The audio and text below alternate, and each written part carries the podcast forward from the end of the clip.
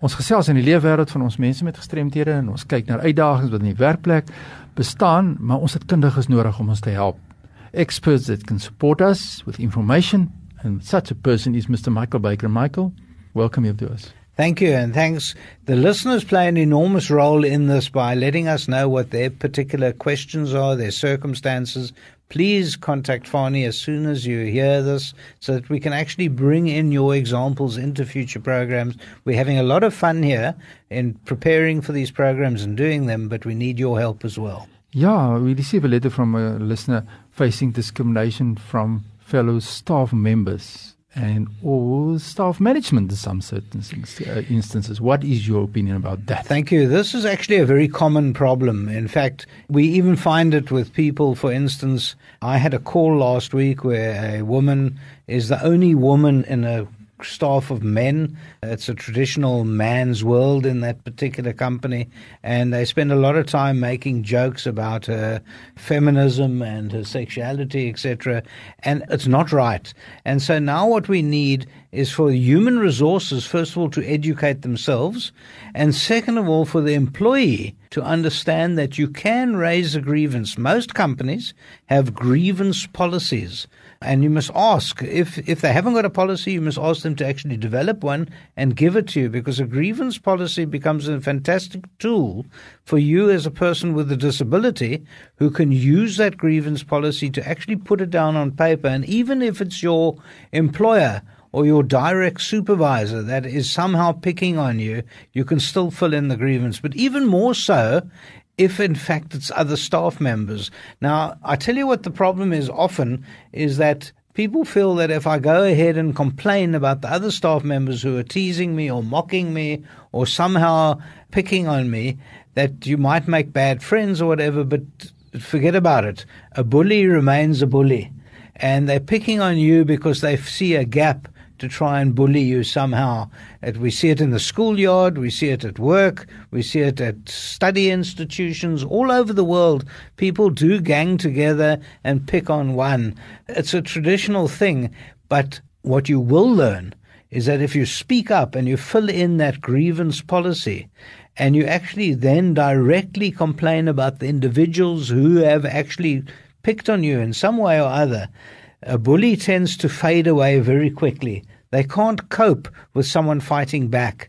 And you need to do that, not only for yourself, and I keep saying this in every program, you're doing it for everyone else who might have a disability. You're doing it for everyone else who might be in a weaker position, a weaker sex, a person who's younger or older. People pick on you for whatever reason. I know I had a call from a fellow, this was actually three weeks ago. A fellow phoned me and he said, Look, the whole staff are under 30 years old. I'm over 60 and they're all teasing me. They're making jokes about my aches and pains, about my age, etc., etc., what I do about it. And I said, Fill in the grievance complain immediately, and that got sorted out very quickly. And I must tell you, the minute you stand up for your rights, you'll find employers are willing to help you, and you'll find that the bullies disappear like mist in the morning sun. Michael, the white paper on the rights of persons with disabilities is clear on the issue of disclosure on the one side, and it's clear on the issue of people must come forward to explain and but we need sensitization the white paper also explained the issue of disability rights awareness in the workplace.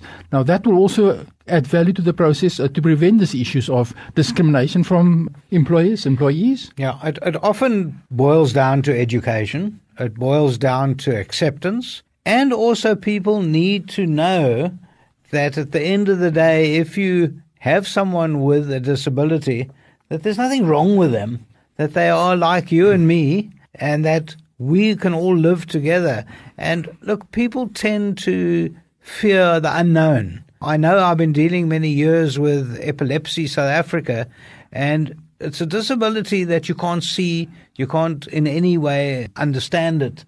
And so people are very fearful of it. All people know is that you might have a fit. And so you find employers on the one hand are saying, well, I'm very worried about that. What happens if it happens while, while I'm sitting here? And you have other employees who are very scared of that as well. And then they tend to pick on you. But if they had a little bit of education, we wouldn't have that at all. Verseker.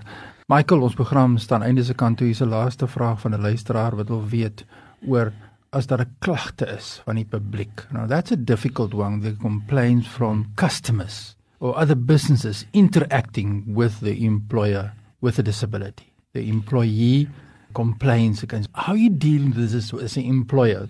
So iemand kom en sê maar ek vind dit moeilik om met Fanie te werk omdat hy doof is. Ek is jou kliënt van die besigheid. Wat yeah. sê ons? What is the challenge that you have there? That's the last question. Thank week. you. Yes, uh, it's an interesting question, but I think it's only fair to understand that people are fearful. And so you need to then educate the person who's the in receipt of that question. And my experience has been over many years now is that if you have a problem dealing with someone because of a disability, whether it be minor or major, all you need to do is to actually tell a person what it's all about and to understand what it's all about. And once people, I find people actually inherently good. People aren't evil. They want to be good. They want to actually make it work. And all you need to do in those circumstances is to say, this is how it can be done. This is what should be done. And this is how you accommodate it. And I don't know anyone, I've never come across anyone in the past 35 years of me working in the labour field who says, no, I'm not prepared to accommodate it. I don't have a problem with it.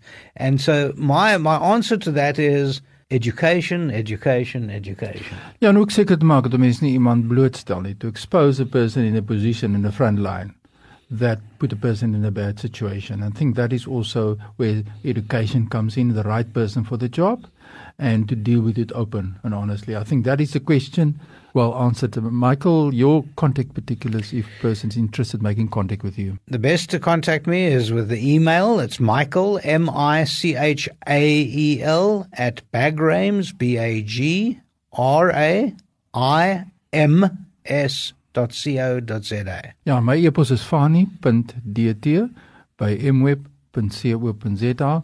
Michael, in volgende program gaan ons lekker verder gesels oor hierdie uitdagings en ons gaan kyk na wanneer daar uh, afdankings is. Ek dink dit is ook 'n populêre vraag wat na vore kom. Ek is gefire, I'm fired.